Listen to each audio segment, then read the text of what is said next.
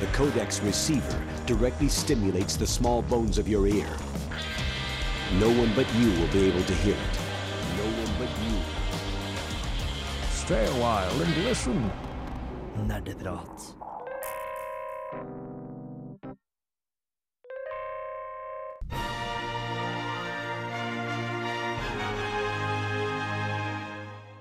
Mine damer og herrer, geeks og noobs, helter og skurker, velkommen skal dere nok en gang være til en ny utgave av Nerdeprat her på Radio Revolt, studentradioen i Trondheim. Ukas sending vies en spillserie de aller fleste av oss med en Nintendo-konsoll har et forhold til, nemlig The Legend of Zelda-spillene. Det blir diskusjoner om kvalitet, standard og barndomsminner opp og ned i mente, i tillegg til spillnyheter, kanskje en anmeldelse og en aldri så liten Zelda-quiz laget av undertegnede. Jeg heter Jens Erik Våler, dagens programleder. Du lytter til Nerdeprat på Radio Revolt, og vi sparker i gang ukas sending med låta Tal Tal Ranger av Mesmonium, basert på musikk fra selvfølgelig The Legend of Zelda Links Awakening.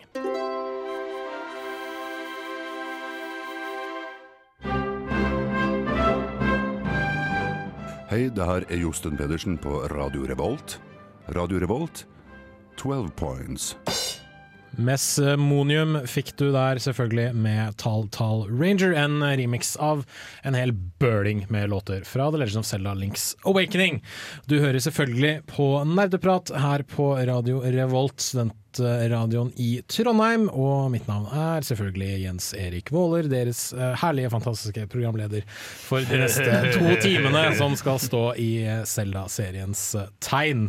Nå kjenner jeg at jeg angrer litt på at jeg skrudde på mikrofonene til dere andre, fordi da hadde de Altså, dere avslørte dere selv, vil jeg si, ved at alle begynte å, å flire av meg. Men, men. Newsflash, Jens Erik er ikke alene. Nei, jeg er ikke alene i studio. Jeg kom liksom til det etter hvert, da. Eh, på min høyre side, Bård Estad. Hello, hello, hello. Hei sann, hvordan går det med deg? Det går eh, rimelig fint med meg. Ja. Jeg har spilt litt av hvert. Mhm. Eh, jeg har endelig tatt og fått spalt et spill som jeg betalte for sånn tre år siden snart. To Hva- år siden i hvert fall. Var det dette spillet du egentlig skulle spille på telefonen din, Yes. og så hadde du ikke ny nok telefon til å spille det? Indeed. Spillet heter Republik eh, og er utvikla av Camouflage, eh, som er veldig glad i det franske språket. En god del folk som har tatt det og tidligere laga Metal Gear Solid-spill, blant annet. Mm. Eh, Det var veldig kult. Basically, Du skulle være litt som Åtekon, være den bak eh, skjermen og hjelpe actionpersonene med å ta og komme seg fra sted til sted. Mm. Det skulle dytte på grensen på hva som var mulig å gjøre på mobiltelefonen, noe det absolutt gjorde. Det er bare det at jeg har en akkurat for gammel iPhone, så eh, heldigvis så har jeg tatt og spytta inn i PC-versjonen samtidig så jeg kickstarta Ah, Smart, mobilversjon. Smart, smart. Så nå har jeg spilt, første episode av fem av Republik. Og eh, hvis du tar og abonnerer på YouTube-kanalen vår, så vil du ta og se en video i morgen eh, hvor jeg viser fram Chris. Stilt. Stilig. Er det å anbefale? Det er å anbefale. I hvert fall for de som liker Metal Gear Solid. Nydelig. Torben, Ja. min mann rett overfor meg, vis-à-vis, som det heter. Hvordan går det? Jo, det går eh, Ok, Standardsvaret er det går bra. bra. Ja, du har lov til å si at det ikke går bra, altså hvis det ikke går bra. Ja, Vi er her altså, for det. ja, jeg, jeg er litt uh, begynner å gå på slutten av en liten forkjølelse. Ja, jeg ser du har to pakker Kleenex foran deg på skrivebordet i studio. Ja, så eh, mens dere andre hører på musikk og sånt, så skal jeg snyte nesa mi. Ja, jeg skulle til å si det Liksom, Please, ikke snyt deg liksom opp i mikrofonen, for det er noe av det verste som fins. Men uh, ja, du har vært sjuk, det har vært leit, men har du fått spilt noe når du har vært sjuk? Tja, det er kanskje også litt eh, trist historie, for jeg prøvde å spille Trine 2, som okay. har ligget ned på Steam-biblioteket en god stund. Mhm. Og så begynte jeg opp spillet på eh, PC-en min, og så skal det nevnes at jeg kjører Linux. Ja, Og eh, spillet hadde tekniske there's your problemer. problem. Så eh, jeg har to, jeg har to skjermer koblet til PC-en, Mhm. og det viser seg at Trine 2 tenker at oi, da må vi ha eh, 1920 ganger 2 piksler i bredden. Okay. Så da fikk jeg liksom sånn strekt ut uh, ja, De prøvde to. å kjøre hele spillet på begge skjermene? Ja, men feila. Uh, okay. Så, også, men når jeg fikk det til å virke, så var det også sånn type mellom 10 og 15 frames per bildeoppdateringer, som det heter. Uh, ok, skjønner, skjønner. Så jeg får prøve å installere på Windows da. Den, den klassiske Linux-vitsen nå er jo at du har liksom måttet sitte i sånn halvannen time og liksom prøve å programmere inn et eller annet skript som gjør at den ikke liksom strekker hele skiten over på to skjermer. Har du måttet gjøre det? Nei, jeg bare satte spillet til å starte i eh, ikke, ikke fullscreen, men okay. i Windows-modus. Ok, lurt. In Windows mode. Skal vi se, ha- der var den. Such timing. Ja, Jeg elsker deg, kjenner. Hanna Gulbrandsen, Ja, du sitter og spiller noe nå. så avhengig er jeg. Ja, hva, hva er det? Du har telefonen din oppe. Det er eh, krysserspill. Jeg har fått dille på det siste rett og slett for å få hodet mitt eh, vekk fra alle mulige tanker når alt går i stå for meg. Ja, ok, ja. Jeg gjør det ofte når jeg har mye å gjøre på jobb. Mm. Så da har jeg litt sånn uh, sudoku og litt sånn bonsa, litt sånn der enkle ordspill. Mm. Ord, ordspill passer bra for meg. ord, ord. Er det, er det, men er det også spillet for tiden? Er det ordspill du kunne Nei, spille da, for jeg, har tiden? spilt, jeg har faktisk spilt mye morsomt. Ja. Uh, foruten å ha latt meg inspirere av House of Cards og spille en del Monument Valley igjen. Ah, kult. Det er et kjempespill. Så ja. Det er ikke så mye mer å si om den, det jeg allerede har sagt, så dere får bare gå og spille. God damn it. Uh, men jeg har også spilt en god del Dying Light. Ja, dette zombie Ja. Som jeg tenkte at det kommer jeg sikkert til å bruke et par timer på, så er jeg lei. Mm. Uh, men det er fortsatt gøy. Det er fortsatt veldig, veldig gøy. Nå har jeg sikkert uh, brukt en del timer på det, men det blir når jeg har noen å spille sammen med. For det er et multiplayer-spill. Punktum. Det er det, er ræv historie som går i alle de største klisjéfellene som zombiespill eh, Mhm. Eh, men konseptet rundt er veldig veldig morsomt, og det dør ikke så lett, da. Men hva er det som gjør det bedre når du spiller med andre? Det er uh, bare det med opplevelsen av det, å høre reaksjonene til andre, gjøre ting sammen. At den ene kommer den andre til unnsetning, og du vet aldri hva som skjer. Og plutselig så hører du noen bare skrike i andre enden, og så er det litt sånn der OK, shit, hvor er vedkommende nå? så må man liksom Man anstrenger seg på en helt annen måte, og det blir en humor rundt det. Fordi mye av det er faktisk morsomt. Absurd morsomt. Det med ræv zombiehistorie, men godt gameplay, er ikke så ekstremt overraskende, egentlig. Med tanke på at det er Techland som tror ikke utvikler det, og det er samme kritikken jeg har til Dead Island og det kom nytt også. Ja, kommunikasjon, altså Hele dialogen er dritkjedelig. Altså, bad guy er en sånn tøffing som er sånn Chaos is the new order. Eh, og så har du en heltinne som er beintøff, men selvfølgelig kidnappa bad guy. Du må gjøre masse ting for bad guy for at hun skal settes fri. Han holder aldri ordet sitt. Bla, bla. bla, bla, bla, bla, bla. Veldig sånn klassisk formeloppskrift. Ja. Men når du spiller dette her med andre, hva er det du gjør? Altså, bare Går du rundt og, og jakter zombier, eller gjør du andre ting? Det er litt sånn uh, Assassin's Creed by day, uh, I am legend by night. Uh, Ja, det jo det, ja, jo. Eh, og det er veldig morsomt på dagtid først, og det er en veldig god progresjon med at først så kommer du deg ut av et litt sånn safe house. Du står der med et bordbein i hånda og liksom oh God, jeg har ikke lyst til å gå ut av døra. og så går du ut, og så må du slå litt på zombier, og etter sånn 14 slag i trynet så innser du at dette bordbeinet det brakk med en gang, og du står der og bare Hva er det her for et spill? Uh, og det er sånn latterlig vanskelig. Du finner ting, du luter ting overalt. Alle biler, altså Du kan dirke opp låser på biler, du kan gå gjennom trashcans, du kan finne ting overalt. da Så det er veldig god progresjon med ting du finner og ting du kan bruke. Våpen varer bare så lenge. Du kan bare reparere det tre ganger. Så må du finne noe nytt. Så selv om du finner noe badass, så må du være litt sånn sparsommelig på det. Jeg liker veldig mye biten rundt det, eller miljøet det skaper. At du, og du crafter dine egne våpner. Og du uh, enchanter dem på en måte, eller han- enhancer dem på en måte, eh, men fornuftig. Du liksom, OK, eh, pluss en flame attack på, så ser du faktisk at han har flytta en sånn gasolinlighter på det solbeinet da, og surra en kabel opp som liksom spytter ut litt sånn flammer på enden. Og det, det er liksom innen rimelighetens grenser. Det er veldig virkelighetstro, da. Hmm, Stilig. Det er et knallstøft tøft spill helt til natta kommer. Da da er eh, spillet fortsatt tøft, men ikke du. så eh, tenk I Am Legend på det. Så Altså, I Am du Legend, litt, eh, filmen eller boka? Nei, som i Ja, eller Jeg har ikke lest boka. Okay. Men jeg tenker på Boka er mye bedre enn filmen. Ok, men jeg tenker på filmen. Det her med De blir virkelig rabiate, liksom. Det er en Mm. helt annen type zombier som er ute om natta. Og det er sånn Ja, det er helt, helt vilt. Jeg spilte det samme med Henrik. Eh, Fra Filmofil? ja. eh, som har vært i kontroll til litt noen ganger også. Eh, vi var ute midt på natta. Mørket kom mye fortere enn det vi tenkte. Og så står vi der, helt mørkt. Henrik klarer å sette seg i en busk. Uh, slå på lommelykt. Det var ikke lurt. Nei. Og den, den kappgangen der, jeg satt med hjertet liksom helt oppi. Nei, det anbefales. Og hvis det er noen som vil spille sammen med meg, så eh, send oss for guds skyld en melding. Stille. Så er jeg med. Chris Monsen, Halla! sistemann i studio. Ja, Hvordan går det? nei, eh, det går bra. Eh, Jeg kan, kan eh, underskrive på følelsene som kommer fram i Dying Light. For at jeg har inntil nylig hatt en PC som er for crappy til å spille noen ting som helst. Så at uh, istedenfor å spille Dying Light, så satte jeg på på Skype-chatten til Hanna og Henrik som spiller Dying Light. Du har, rett, du har rett og slett vært en, en, en observatør i Ja, dette det her. har vært litt sånn lytteropplevelse. Sånn, å, herregud! Å, den er jævla svær! Å, herregud, den kommer mot oss! Ah! Vært sånn hele tida, da. ikke sant? Jeg bare OK, hva faen er det som skjer, liksom? Jeg var sånn, fader, jeg var, så, jeg var så sur, for at den, jeg tenkte at den helga skal jeg klar, klar for at For dere som ikke er det er nesten ingen som vet det, men jeg driver på å bygge en vannkjørt PC. Eh, Det eneste jeg mangla til den vannkjørte PC-en, var Var det vann? Nei, ok. Ja, nei, det var ikke vann. Eh, sorry, ass. Men mange av grafikkortene kom flett levert for seint, så jeg kunne ikke bygge den ferdig før helg etter. Og det liksom, jeg har ikke fått muligheten til å spille noe særlig i det hele tatt etter jeg bygde den heller, som er skikkelig skikkelig surt. Eneste jeg har fått tid til, er å spille én time med Ground Zeros, Metal Gear Solid. Men da har du jo spilt hele spillet, da. Ja, du har så å si det. Jeg kan kanskje ha spilt det fra start til slutt, for jeg vet hvor jeg skal gå og sånn. Men okay. nå får jeg iallfall spilt det i super quality settings, og det er herlig. Så nå er du i sånn 1080p 100, nei, 1080p 120 frames per sekund. eh, 144 hertz frames og så. Ja, ok. Så du har liksom bare cranka alt opp til 11. Ja. Basically.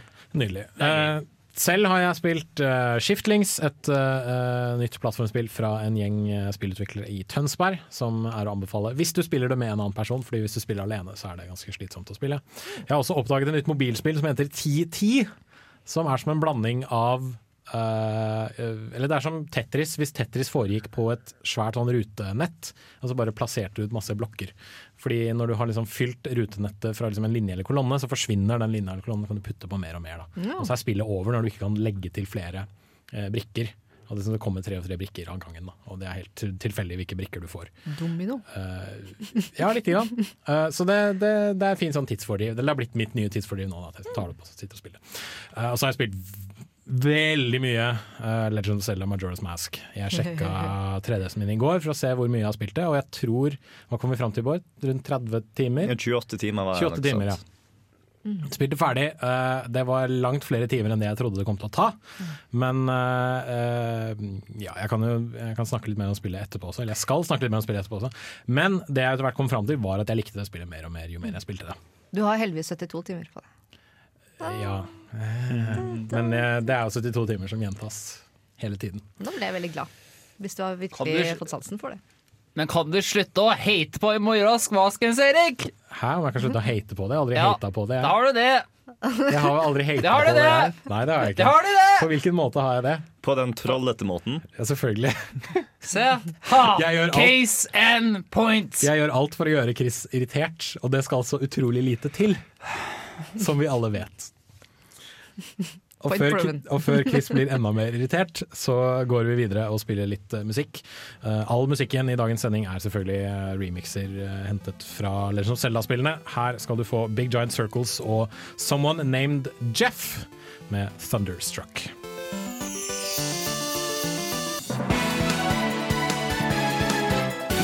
Nerdenytt.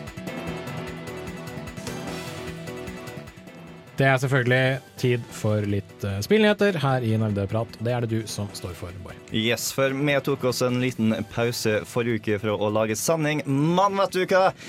Spillverden tok seg ikke pause ifra å lage nyheter, så vi har litt av hvert å snakke om denne uka. Det var en travel uke i dataspillenes verden mm. forrige uke. For ikke bare var det eh, Game Developers Conference, som gikk fra mandag til fredag. Det var også Penny Arcade Expo i Boston fra fredag til søndag. Mm. som Hva er egentlig noen av de tingene, Jens Erik? Det, jo, nå skal du høre, Chris. Uh, siden du spør, så lurt. Uh, Game Developers Conference er en årlig konferanse i San Francisco, der spillutviklere kan komme sammen og nettverke og dra på foredrag om alt mulig rart fra liksom, hvordan de best mulig kan tjene penger på sitt gratis mobilspill, til hvordan de kan få best mulig grafikk ut av et enkelt budsjett. Da.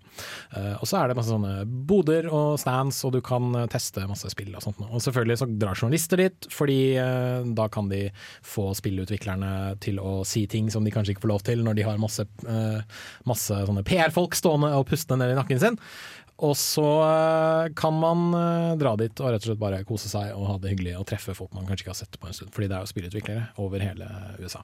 PAX derimot, Penny Arcade Expo, er egentlig bare en sånn kom til oss og feir at dataspill er tøft. Og så har det blitt en sånn greie hvor man eh, innimellom annonserer spill eller holder demoer og sånt. Samme med GDC. Kort oppsummert. Ja. Og eh, på GDC i år så har faktisk eh, norske utviklere en eh, masse større presence enn tidligere. Jeg mener at det var sånn 15% av indiespill som ble stilt fram, var norske spill. Det er ganske imponerende prosent. Altså. Det var veldig mange norske folk der, og eh, de hadde mye å vise fram, vet jeg. Men eh, GDC handler ikke om å ta og vise frem spill for menigheten. Det er mer det at eh, utviklere snakker sammen, og snakker gjerne om utvikling. Som er en av grunnene for at eh, en av headlinene denne uka her er motor, motor, motor. Eh, fordi at eh, Unreal Engine 4, eh, som knapt nok er ute på markedet det, Er nå en realitet. Eh, Det var vel en realitet i fjor òg. ja, eh, Deadlight eller noe sånt som det her, eh, som kom ut, eh, var det første som har eh, Unreal 4. Og det er egentlig ikke så mange andre spill som har kommet ut med den. Men de har kommet ut og sagt at Unreal 4 skal nå være gratis. En annen gratis motor er Hva Hva den nå?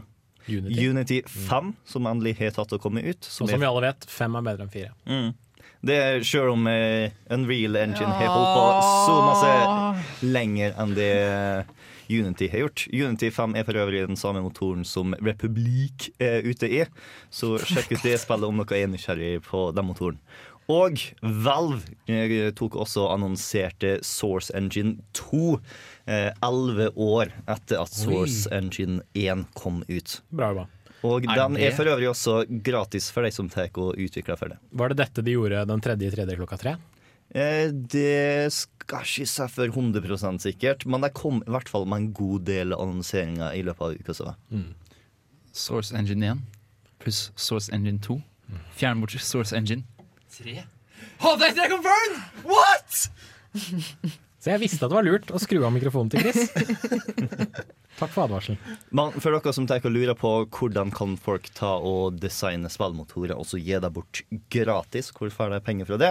Det er sånn kjapt. De tar og tjener penger på å få en viss prosent av det folk tar og tjener med hjelp av motorene sine. Og de tjener veldig masse på å ha det gratis, fordi at det betyr at folk setter seg ned, jobber med å bli kjent med motoren deres. Så når de skal faktisk lage noe, så husker jeg tida fra gutterommet og bare sånn ja, Unreal har jeg noe kjennskap til, som jeg bare lager det i det. Og en annen grunn til at det er veldig veldig kult, det er et sinnssykt kraftig verktøy. Og du kan Ja, leke med det så mye du vil. Og lager du noe kult, så kommer du til å tjene penger på det, selv om de vil ha en bit av kaka. Nå må det nevnes at uh, du kun må gi ut uh, Altså du må kun gi dem en prosent hvis det er et kommersielt produkt du lager. Hvis du lager bare en, uh, en undervisningsfilm eller et eller annet sånt nå, eller en animasjonsgreie, ja, men det kan være for all del til liksom universitetet ditt, uh, og det ikke er noe folk betaler for, da slipper du å, å gi penger. Og det er også over en, det er en, over en viss sum per kvartal, jeg tror det var 3000 dollar eh, per kvartal i profitt eller noe sånt. Eh, Da må du gi dem 5% hvis du tjener over så og så mye på det kommersielle produktet. I hvert fall når det gjelder Unreal-motoren. Så Det jo, eh, det lover veldig bra i hvert fall for en del sånn indie-utviklere, tror jeg. Og liksom sånne uh, små, altså mindre folk som ikke vil bruke så mye tid på å liksom, skrive sin egen motor og alt slitet der. Ja. Eller ta og betale for en lisens for hver eneste PC som bruker den motoren. Ikke sant? Men Steam tok Nei, Valve tok Steam og ja. annonserte en del ting til. eh, Inkludert den nye VR-brillen som de tar og lager i samarbeid med HTC. Vive heter brillen, og eh, i motsetning til de som har blitt annonsert så langt, så er de designa til at du kan stå opp og bevege deg rundt. Den har flere stasjoner eh, som du tar og putter rundt i rommet, eh, som tar og forstår hvor hen i rommet du beveger deg. Men vet du hvor du er hen? Heldigvis så har de også tatt og plassert inn eh, sånn at eh, dersom du går for nært en vegg, så vil den ta og si fra OK, nå burde du kanskje ikke ta og ta springfart. I god tid før du løper, kanskje? Sånn. Ja, ja. Eh, Det er kun sånn eh, fem kvadratmeter så langt du kan ta bevege på, så det er ikke som om du kommer til å spurte rundt heller. Eh, De tok det som én side var spesielt eh, fornøyd med, skal vi se, The Verge, bare for å ta name up til deg, eh, var kontrollerne. Fordi at når du tar og beveger deg rundt, så får du eh, Steam-kontrolleren, som også ble vist litt fram, eh, brutt opp i to biter, ganske likt eh, Vi-kontrolleren. Eh, og eh, i tillegg til alle de funksjonalitetene som finnes på den eksisterende Steam-kontrolleren, så er det også gripefunksjon, sånn at du klemmer på den og kan ta tak i noe. Og dermed så føles det masse mer naturlig når du plukker opp og slipper noe. Jeg gleder meg egentlig bare for å gå litt tilbake på VR-brillene til Steam. Så gleder jeg meg bare sånn til at eh, vanligvis når jeg går ut av huset hjemme, så ser jeg alltid over gata Så ser jeg alltid sånn tre-fire gutter gjennom vinduet som spiller på ma- datamaskina si. Det jeg gleder meg til nå, er å bare se dem gå rundt med liksom hendene foran seg, VR-briller på, bare what? what? Og bare se som totalt idioter. Jeg gleder meg til vi skal kjøpe den og leie en sånn luftturbin. Som kan. Noen står og kaster vann på deg hvis du liksom hopper ut i, hopper ut i havet i et dataspill. Uh, nei, men jeg er veldig spent på hvordan uh, denne VR-krigen skal, skal foregå. For nå har du jo da Oculus Rift er ute, eller Oculus holder på med sin Ja, greie. de har gitt holder på med ut ting, greie. men ikke noe offentlig ennå. De har ikke engang kommet ut med en dato når deres kommersielle produkt er ute. Eh, Sony kom ut med dato på Morpheus. Eh, den skal ta og komme i løpet av neste år. Men Vive er på forspranget til tross for å være den yngste av dem, og har sagt at de skal komme ut i løpet av året. Du glemte også en. Eh, Microsoft har jo, eller har jo annonsert en Vel, eh, ting som det- heter HoloLens. Som skal Well, putte noen sånne, putte noen sånne er hologrammer på øyet. Augmented reality, og ikke Ah. virtual reality. Så det virker jo som at eh, konkurransen går egentlig i hvem, obviously, hvem som klarer å få ut produktet først. Og det er jo som kjent markeds... Ikke nødvendigvis. Men, å?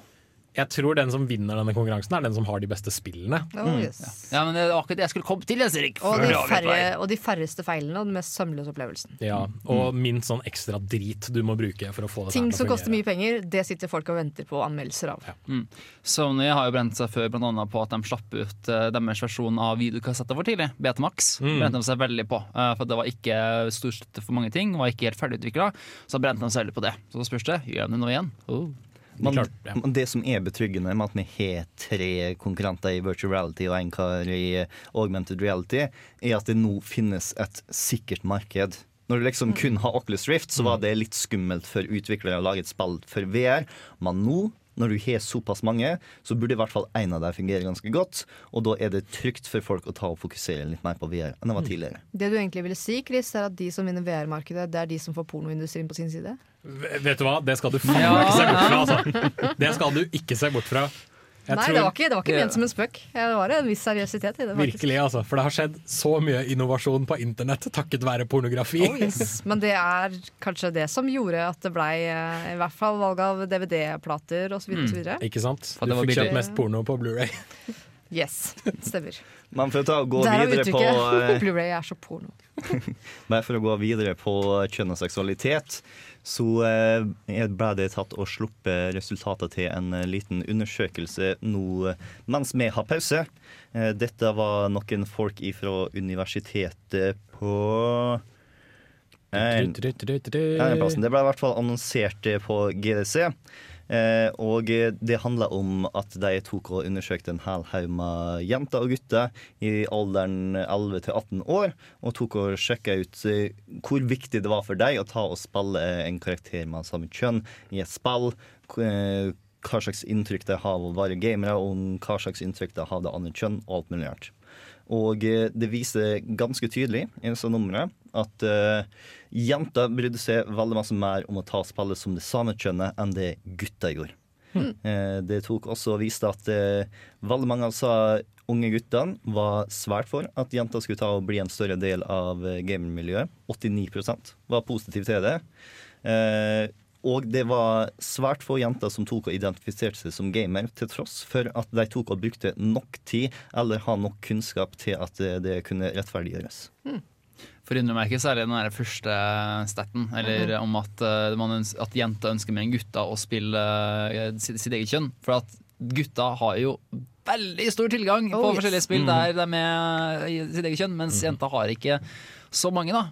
Så at, at liksom, jeg for eksempel som gutt sjøl merker jo ikke det behovet, for jeg, jeg kan jo velge liksom tusenvis av spill som jeg syns er dritkul, eh, og som har en eh, mannlig protagonist. Sånn at, ja. Sens. Men siden dette ble lagt fram på GDC, så var litt av poenget det å nå fram til eh, de som tar og utvikler spill, og bare informere dem om at denne forståelsen dere har om at hvite, skallede macho menn er det som tar og selger spill, er ikke nødvendigvis sant. I hvert fall ikke med det markedet som nå kommer inn for å ta og kjøpe de fremtidige spillene. Så forhåpentligvis så er det noen som eh, tar disse tallene til mote, og eh, en god del utviklere som ikke satser like masse på bakbeinet når noen foreslår. Hei, kanskje vi skal ta og gi denne karakteren puppa pupper og en lysere stemme enn vanlig. En ting som blant annet skjedde, var at eh, Blizzard under GDC sa at eh, hei, dette nye skytespillet vårt, Overwatch, der har vi fått litt beskjed eller vi har fått litt tilbakemelding om at eh, det kanskje skulle være flere forskjellige typer personer i dette spillet, så her er en ny tankfigur. Og det var en eh, to meter høy, én meter bred kvinnelig bodybuilder med en gampesvær kanon som hun bruker til å skyte ting med, og hun ser kjempekul ut. Og uh, jeg, tror det, liksom, Hvis sånne tall får spillutviklere til å liksom ta sånne valg og tenke at ja, kanskje vi skal ha en Kanskje vi skal ha en dame som er litt stor, litt sterk og liksom fysisk sterk. Da, liksom sånn. Det kan være kult i dette spillet vårt. Da, da håper jeg at det fører til sånne ting. Håper litt den tida med at eh, begrunnelsen for at det ikke finnes en kvinnelig protagonist i spill, eh, er Nei, det tar oss seks, sju, åtte uker å fikse en eh, kvinnelig eh, gå-animasjon. Den tida håper jeg virkelig begynner å gå mot slutten. Det var Ubisoft som tråkka i salaten. Ubisoft. Har du noe mer, Bård? Yes, men kan, Når vi tar og klager litt på de store utgiverne, så kan vi klage litt på EA. Ja, Fordi ja. at eh, et studio du skulle tro aldri kunne blitt lagt ned, har blitt lagt ned. Maxis. Utviklerne av. Sims og Sims City. Oh, what?! Yes. Hæ? Hæ? Men YouTube er jo basert på The Sims. Yep. Er det? Kan du se hvordan det har gått med The Sims siste? Det, Har altså, I den Ja. tidlige dagene av YouTube Jens Erik, så var det jo kun kattevideoer og Sims-videoer. Det viser seg at folk egentlig bare har lyst til å drukne virtuelle mennesker i badebasseng, og det har allerede blitt gjort allerede. Yep. Både SimCity og Sims 4 fikk en ganske laber mottagelse. Veldig masse av det folk vil ta og påstå var EA som tok og blanda seg inn i hvordan det ble utvikla, men det så ikke EA ut til å bry seg noe særlig om. Så bare for å ta og skille seg bort fra de spillene som ikke var så særlig gode, så har de nå tatt og lagt ned Emerville-studioet til Maxis, det studioet som eh, Will Wright tilbake i tida jobba på, hvor eh, både Sims og SimCity ble oppfunnet. Eh, Og så har de inkorporert eh, alle de andre understudiene til Maxis inn i EA. Eh, Jim Stirling har en veldig god video om akkurat dette, om hvordan EA bare tenker å kjøpe opp studioet, og så snart eh, EA har bare sagt dere skal ikke gjøre sånn som dere vanligvis gjør, dere skal gjøre sånn som det vi tror blir best. og når det feiler, så er det sånn OK, ha det bra. Dere jobber ikke lenger. Han har en veldig god video om det, så ta og sjekk ut eh, artikkelen vår på dusken.no, fordi at der tenker jeg å slenge den ut. Neste EA Sports. Men Det kommer aldri, det kommer aldri til å dø. Det er, deres, eh, det er deres brød og smør. Så det kommer til å dø. Men eh, folk som har unnsluppet EA og har helsen godt i behold, er Harmonix. De fikk eh, kjøpe opp eh, rockband-lisensen for eh, 50 dollar tilbake i tida. Eh, selv om de måtte ta og betale alle regningene som tilhørte der. Men de har nå tatt og putta de 50 dollarene i riktig plass, fordi at nå kommer Rockband 4. Og eh, dette skal ta og komme ut på de nyere konsollene, altså eh, PlayStation 4 og Xbox 1. Og eh, alle, eh, mer eller mindre alle i hvert fall, av de 2000 eksisterende låtene fra de tidligere rockbandspillene skal være tilgjengelig fra dag én. Kort fortalt så kommer fremtida til å bestå av folk som har på seg briller som gjør til at de går veldig morsomt rundt i stua, og folk som spiller på instrumenter som egentlig ikke lager lyd. Det har man gjort i alle år. Det kalles luftgitar. Ja, faktisk. Men uh, den finnes ikke i hele tatt. Den- that It's air. Ja. Men noen Det, det fins de menneskene som tar et kosteskaft og spiller gitar på det. Og eh, hvis dette betyr at vi er inne i en altså fordi Nå ryktes det at det også skal komme mer Guitar Hero fra Activision. Så hvis dette fører oss inn i en ny sånn herlig periode av sånne digre esker i eh, elektronikkbutikkene fulle av trommesett som ingen vil ha, så gleder jeg meg veldig. Fordi eh, jeg, er, jeg har blitt kvitt mitt gamle Guitar Hero-ting. Jeg vil gjerne ha nytt rockband-ting i mitt hjem, selv om jeg ikke har plass. Jeg har for all del, helt greit med med rockband og Guitar Hero hvis det er din greie. Men for guds skyld, utviklere, ikke gi ut ett spill hvert fuckings semester. For det var jo også metning av markedet Nå at det bør, hjelper. nå bør det nevnes at uh, Harmonix har sagt at uh, dette betyr ikke at det kommer en Rockband 5 til neste år. Uh, de skal bygge Rockband 4 som en sentral plattform, Mm. uh, der du kan uh, laste ned masse musikk. Du kan kanskje kjøpe et instrument eller tre hvis du vil, og så skal de liksom bare holde seg til den en stund. Det kommer ikke et Guitar Hero 5 om to år igjen. Det er det ikke. Jeg tror rockband-settene eller utstyret kommer til å ta såpass stor prosentandel av leiligheten din at jeg kan finne meg singel veldig fort.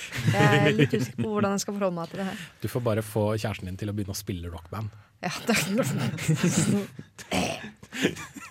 De ja. instrumentene som kommer til nye rockbandet, er de gode gamle gitaren, eh, tromma og selvfølgelig mikrofonen. Keyboardet som kom ut til Rockband 3, har de dessverre gått bort ifra. Men heldigvis så kommer det ut i løpet av året, så vi trenger ikke å vente så lenge. Det vi må vente lenge på, derimot, er Uncharted 4. Det skulle egentlig komme ut i år, men de fant ut at eh, nei, dette ble litt mer ambisiøst enn det vi først trodde. Så da blir det utsatt, og vi får ta og vente litt mer på det. Men så langt til det er et godt spill som kommer til slutt, så skal vi ikke klage så altfor masse. Vet også hva vi må vente på. Metal Gear Solid 5 Phantom Pain til september. Du får uh, smøre deg med den folkevalgte tålmodighet. Vet dere, hva vi ikke må vente så lenge på? Som jeg har gledet meg lenge til. Hva da? Nå kommer faktisk GTA 5. Det er sant. PC Ja. i Etter å ha blitt utsatt enda en gang. 14. 14. april kommer det nå. Stemmer det. Og eh, helt, helt, helt til slutt så skal jeg bare ta og nevne at vi har et fint lite norsk spill som nå har blitt greenlighta på Steam. Det heter Klang. Det kunne folk spille på for Norwegian Game Awards, og det var en av mine favoritter da. Det er en eh, rytmebasert eh, actionplattformer hvor eh, du skal ta og blokke angrep i de forskjellige åtte direksjonene, og det følger en rytme, og det bare er dritstilig musikk. Og alt det visuelle er basert på teknomusikk og disko og alt det som er det der. Verdt å sjekke ut, for å si det sånn. Klang. Høres stilig ut. Uh, takk til nyhetsanker eh, Bård Restad. Og så går vi videre. Du skal få en anmeldelse av eh, spillet Beat Hazard. Den er det Torben som står for. Men før den tid, her får du Sole Vio, 'Wind in the Sail'.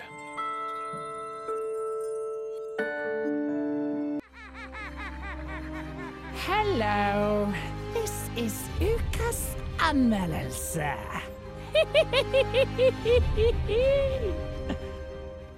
Ok, så jeg må ha et spill å snakke om på Nederprat. Så skal vi se, Spillbiblioteket på Steam. Der, der finner jeg noe. Skal vi se. Beat Hazard. Hva slags spill er det? En, en twin stick shooter. Det vil si jeg styrer romskipet mitt med venstrestikket og skyter i, i en retning på høyre. Og skal vi se, nivåer som genereres basert på musikken din. Hm, Det kan være interessant. Trykk start Advarsel. Fotosensitive anfall. Dette spillet inneholder strobeeffekter. Kan det umulig være så ille?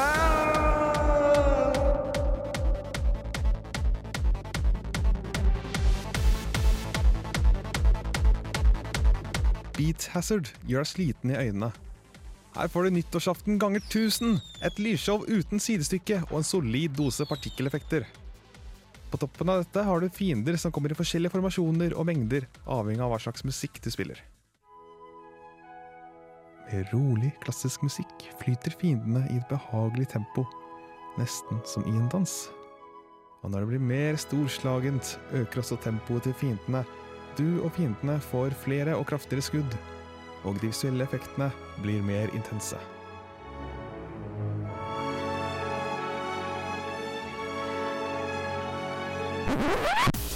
Og spiller du elektronisk musikk som har lydkompresjon fra helvete, så får du maks intensitet hele tida!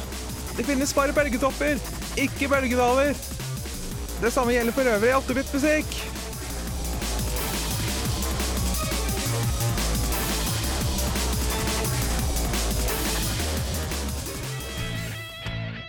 Hvis du spiller rock, eller annen type musikk som både har bølgedaler og bølgetopper, så får du en engasjerende spillopplevelse. Trommeslagene, eller kanskje en sangstemme, trigger høyere tempo og intensitet. Dermed får du oppleve musikkens dynamikk på kroppen. eh, eller ro romskipet. Spillet er likevel ikke uten sine mangler, da. Du kan måtte vente i flere sekunder uten at det er fiender på skjermen. Eller du må kjempe mot 100 000 skip samtidig som du prøver å ta en kjempevanskelig boss som er superkjip og vanskelig, og eh, der døde jeg. Hvis du tenker å spille med noe annet enn en Xbox 360-kontroller, så kan jeg bare ønske deg lykke til. Du kommer til å trenge det. Når alt kommer til stykket, er Beat Hazard en underholdende blanding av musikkspiller og twin stick shooter. Shoot 'em up-fans vil kanskje savne en kampanje, men ikke undervurder moroa i å lytte til ny musikk mens du proffer løs på alt som beveger seg, akkompagnert av tilfredsstillende, intense visuelle effekter.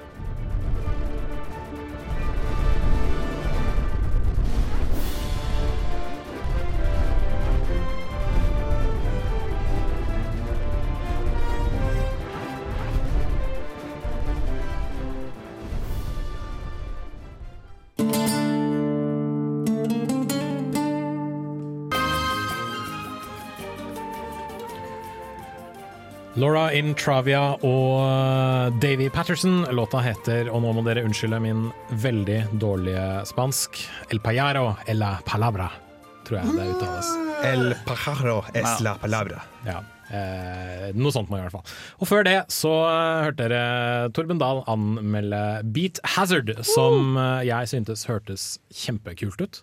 Ja. Uh, Tvillingstikkerskyter, uh, musikkbasert, eh, og det vet jeg ikke om det er så fryktelig mange som har gjort uh, tidligere. Det har liksom, du har hatt twinstick-spill hvor musikken er veldig bra, men ikke liksom hvor musikken påvirker uh, spillinga.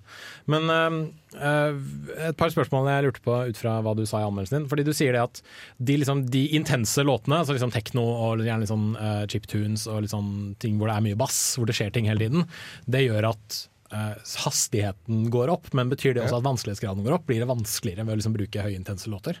Ja, det gjør det. Mhm. Så hvis du har en eh, Jake Coffman-låt, de er ofte uh, er prosessert slik at det er bare veldig komprimert lyd. Det vil si Mm. at uh, lydbølgene går Det er nesten ikke variasjon i lydbølgene. Da, da, altså amplituden. Og da er det superintenst og bare masse fiender hele tida. Mhm. Mens du kan godt lage en ti minutter lang uh, lydfil som er bare tom, ikke bare stillhet. Og bare flyte rundt og ingenting som skjer, omtrent. Ok. Jay Coffman er han som lagde musikken til eh, Shovel Knight, ikke sant? Ja, stemmer. Mhm.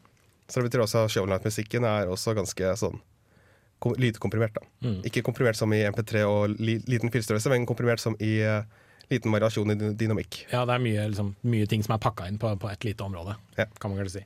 Lyd gjør jo ikke noe bare med følelsen av spillet heller. Du blir jo automatisk stressa av høyt tempo og skarpe lyder og ting som du har vanskelig for å følge med, for du prøver å fordøye alt sammen. Mm. Så det i seg sjøl vil vel også være en stressfaktor, vil jeg tro. At ting liksom er heavy, nei, eh, rask bit på. Mm. Men hvordan er det med, altså er det noe musikk i spillet annet enn den du, du putter inn? Altså Må du bruke dine, dine egne musikkfiler? Nei, det følger med litt sånn uh, teknomusikk. Mm. Men uh, jeg syns ikke det var noe særlig spesielt Nei. å skryte av. Det er Men, kanskje best når du putter inn dine egne greier. Ja. Det er kult da hvis det er mest tekno, for da har de, det er sikkert det de har tiltenkt spillet. Og så kan man faktisk bare bruke spillet på akkurat det som passer seg sjøl best. Det syns jeg er kult. Ja, kanskje det. Ja, du nevnte jo litt i, i anmeldelsen også, men hva, hva føler du gir den beste spillopplevelsen i Beat Hazard? Altså Hva slags type musikk gir det?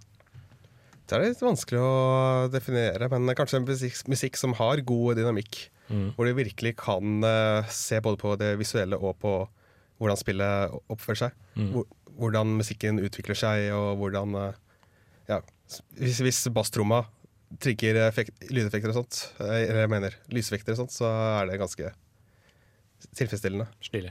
Men hvordan er det med det visuelle i dette her, da? Uh, ser det pent ut? Hvordan ser det ut? Det ser veldig pent ut. Det er satt i verdensrommet. Mm. Men det er, eh, ser det sånn ut, da. Men det er litt sånn abstrakt. Kan minne litt om eh, ja, veldig eh, avansert visualizer. OK, skjønner. Så liksom Det er- visuelle, det visuelle liksom pulserer kanskje i takt med musikken? Ja, det er på en måte en tåkesky bak i bakgrunnen. Mm. Så Er det penere enn visualiseren i Windows Media Player? definitivt mye bedre enn visualizeren i Windows Media Player. Question of the year. Nei, det er bra.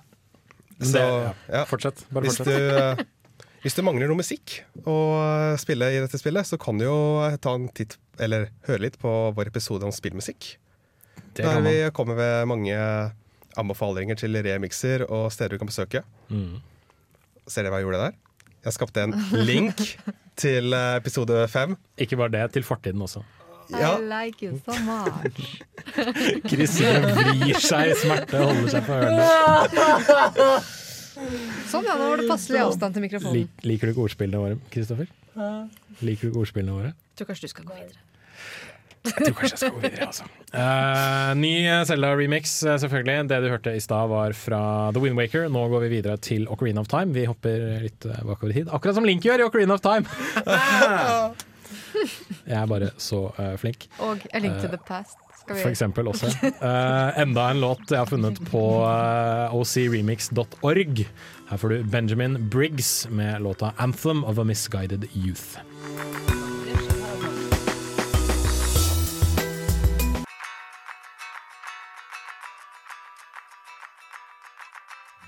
Benjamin Briggs fikk du der. Låta heter 'Anthem of a Misguided Youth'. Krist har seg reist opp. Du ser ut som et slakt der du ligger.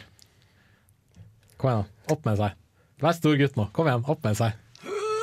Old man! Ja. nå som vi snakker om Selda-spill og sånn. Ja, vi skal jo det. Eh, og eh, som eh, nevnt, det er Selda-serien som står i fokus. Og vi er alle fans, regner jeg med. Oh, yes. Jeg vet i hvert fall at Bård og Chris er det. Jeg er det i forholdsvis stor grad. Jeg beklager, Torben, men jeg vet egentlig ikke om du er fan av Zelda-serien eller ikke. Hvordan er det med deg? Har du vært innom spillene? Er det, det er kanskje ikke noe du har vokst opp med i like stor grad som oss andre? Nei, ja, av en eller annen grunn så snubla jeg aldri over det Nei. som eh, barn. Men uh, senere tid så har jeg spilt uh, i hvert fall et par av spillene. Mm.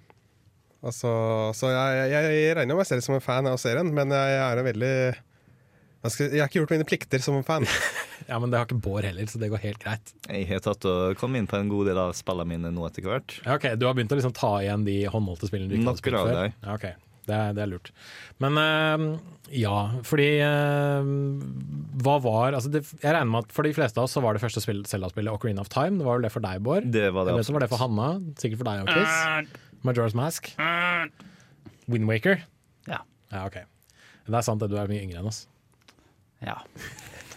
Godt observert, Jens Erik. Eh, Nei, applaus. hva med deg, Torben? Hva var det første Selda-spillet for deg? Var det Windwaker det også, eller var det så langt ut at det Så var Twilight Princess? skal jeg snakke om eh, det s- første som jeg kjøpte og spilte starten av, eller det første som jeg fullførte. Vi kan ta begge to. Det første som jeg starta på, det var eh, Twilight Princess. Ja. Jeg kjøpte sammen med vin. Men uh, det var så skummelt, og jeg var så pysete, at jeg, jeg, jeg kom ikke noe særlig langt der. OK. Ja vel, greit. Og det første Zelda-spillet som jeg startet på og fullførte mm. Dette kommer til å høres litt rart ut, men The Legend of Zelda Phantom Hourglass. OK, ja ja. Mm. Det har jeg vært borti sjøl. men hvorfor, altså, hva var det med, med, med Twilight Princess som var så skremmende? Var det liksom denne skyggeverdenen, eller Ja. var det, det var monstrene og sånt? med? Ja, altså Ja, det er rett og slett det å skulle gå rundt og i denne skumle verden med masse skremmende, skremmende lyder og Ja, ja. Jeg skjønner hvordan det er. Jeg får uh, litt fnatt hver gang jeg hører disse uh, skulpturlandene, altså disse edderkoppene, når de driver og liksom kravler rundt på Mm. veggene og lager de der sånn lydene. Da får jeg frysninger, for jeg er ikke spesielt glad i edderkopper. Uh, men Phantom Hourglass eh, Jeg tror faktisk du er den eneste jeg kjenner som har begynt liksom så langt ut i serien. Hva, hva, hva var det liksom som appellerte til deg med akkurat det? Tja, det var bare det at jeg kjøpte det, fordi at eh, Oi, det er litt sånn Zelda, det har jeg hørt er bra. Mm.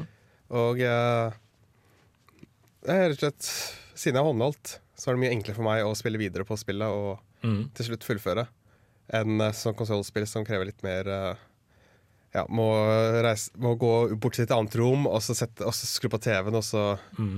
Ja, det er veldig lett for at jeg bare glemmer å Glemmer bort spillet. Ja, men jeg, jeg skjønner den, for jeg føler at jeg kanskje hadde litt den opplevelsen selv. For mitt første Zelda-spill var Links Awakening. eh, Et, altså Links Awakening DX, et håndholdt uh, spill til Gameboy Color. Altså en remaster, kaller man det vel nå.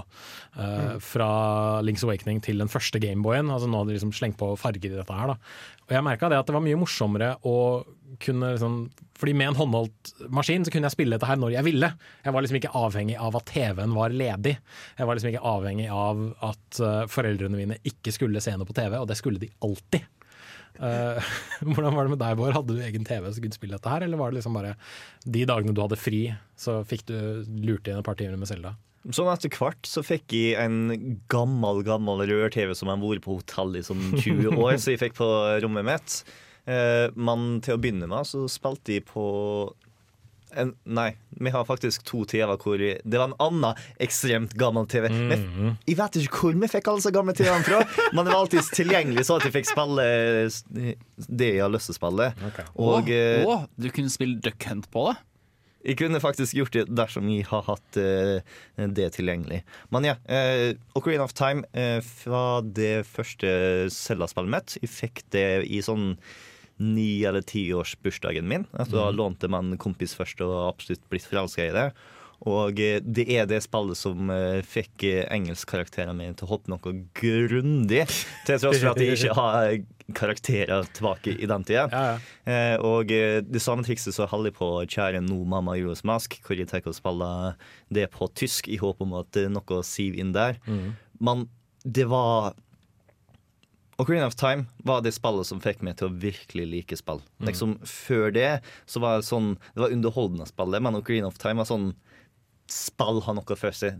Plutselig så kunne jeg være i en helt ny verden og bli kjent med folk og bare utforske og ha det skikkelig interessant eventyr en helt annen plass, og det var magisk.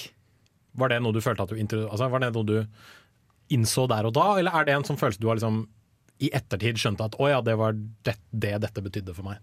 Eh, det er noe jeg innså i ettertid, men eh, med tanke på at eh, første gangen jeg spilte Majora's nei, Ocarina of Time, var da jeg besøkte en kompis av meg. Eh, og vi ble servert middag, og jeg nekta å slutte å spille, så jeg har kontrolleren i ene hånda og en pannekake i den andre, og tok og reise reiste gjennom Hyrule Field. Ok, det, vet du hva, det skal du ha, det er dedikasjon. Men du hadde, så du hadde ikke noe erfaring med serien før, før det, liksom? Nei. Det, liksom det som eksisterte før, det var A Link to the Past. Og i eh, Det var to personer i verden som vi kjente som har Super Nintendo. Ingen av dem har Link to the Past. Ah, okay. Så da var liksom det ikke-eksisterende, og så kommer Ocarina of Time sånn ut av intet og sånn, føles veldig voksen for en tiåring som kun har spilt eh, Mario tidligere. Hvor det er sånn skjelett som du slåss med på natta. Det er monster, det er sverd. Det blir noe som du kanskje kan ta og kalle grønt blod når du kutter altså, plantene. Det sånn, ah, det, jeg følte at det var veldig spennende som guttunge å ta og plukke opp. Ja, for jeg husker uh, TV-reklamen prøvde også å reflektere det. Den var liksom veldig på det. Sånn, ja, her er et, liksom et helt nytt eventyr. og liksom De liksom hamra inn det. Altså, nå skal du ut og utforske en stor verden. Og liksom, uh, du trodde at de tingene du har spilt før var bra. Nei, nei, du, du har liksom ikke sett noe ennå, uh, lille gutt. Så eh, det skal de ha, i hvert fall, for at de fikk til det. Eh, Chris, fortell meg om Windwaker. Ja, OK. Um, så at jeg hadde ikke eid noen som helst konsoll, eller altså stasjonær som koblet til TV-en, før uh, jeg ble sånn 10-11 år gammel. Ja. På bursdagen min så fikk jeg da en GameCube, og jeg var sånn Oh my god, it's a GameCube! Og så, så fikk jeg et spill. Det var, ene var Super Sunshine, det andre var Legend of Zelda Windmaker. En gang så putta jeg inn uh, Zelda Windmaker først. Så starta jeg på, og så bare begynte jeg å litt, og så var det sånn Oh my god! Herregud, han har bursdag! Jeg har bursdag! Å, herregud! og så måtte jeg ikke på skolen, og så var jeg sånn Nei, jeg har jo bursdag i spillet! Og så var det sånn Nei, men du må på skolen. Og så var det Nei, jeg har bursdag! Og så måtte jeg ikke på skolen, og så gikk jeg gjennom eh, skolen, og så bare sprang jeg hjem. Altså, jeg dreit i å vente i sånn 10-15 minutter på at foreldrene mine skulle hente meg. Jeg sprang hjem jeg, for at Oh my god! Han i spillet har også bursdag! Og da måtte jeg spille det spillet der han fyren også hadde bursdag på samme dag som meg. Og derfor har jeg blitt sendt på cella. Right. Uh, men ingen av disse liksom Oi, her er en ny type verden og ny greie, sånn som Bård Nope. fortalte. Det, nei, ikke nope, det. altså, det som er at Jeg var liksom ung på tida her til å forstå at uh, for, Forstå hvorfor folk ble sur for at de ikke fikk en realistisk Selda, Ja, for de var lovet det av en demo og sånt. Jeg hadde jo ikke vært borti så mye før. Jeg hadde spilt eh, kanskje litt Super Mario 64 hos en kompis og sånn. Jeg har liksom vært borti liksom, Jeg har alltid vært litt vant til at det er litt 3D, og alltid vært vant til at det har vært 2D-spill på Game On, men liksom, det var liksom ikke det. ja, Det var det med at han hadde bursdag som var greia for meg, da. Men sånn i ettertid, da, har du liksom gått tilbake og spilt de gamle spillene, eller har du liksom bare sett fremover? jeg spiller jo remakes når de kommer ut, og jeg spiller også en god del av de gamle Oracle of Seasons og masse av de Gameboy og Gameboy Advance-spillene. Nå som de også er tilgjengelige på uh, 3DS-en. Eh, nå som jeg har klart å miste mesteparten av Gameboy og Gameboy Colorene inn i en annen flytteske, uh, så er det ganske kjekt der. Så ja, det ser jeg ofte besøket tilbake. Men jeg merker veldig at når jeg har spilt gjennom en gang på nytt, så er det veldig lenge til jeg orker å spille på nytt igjen neste gang. For jeg merker at Ok. Liksom Gjelder det for alle, eller bare de store liksom, Nei, jeg tror det er for alle. For, for meg så er liksom Zelda-spillet litt sånn, handler litt om utforskning, handler litt om completion. Og liksom når du har utforska alt, så forsvinner det aspektet i spillet. da, Å utforske. Jeg vet liksom hvor alle tingene og sånn er. Og da syns jeg jeg mister litt av sjarmen.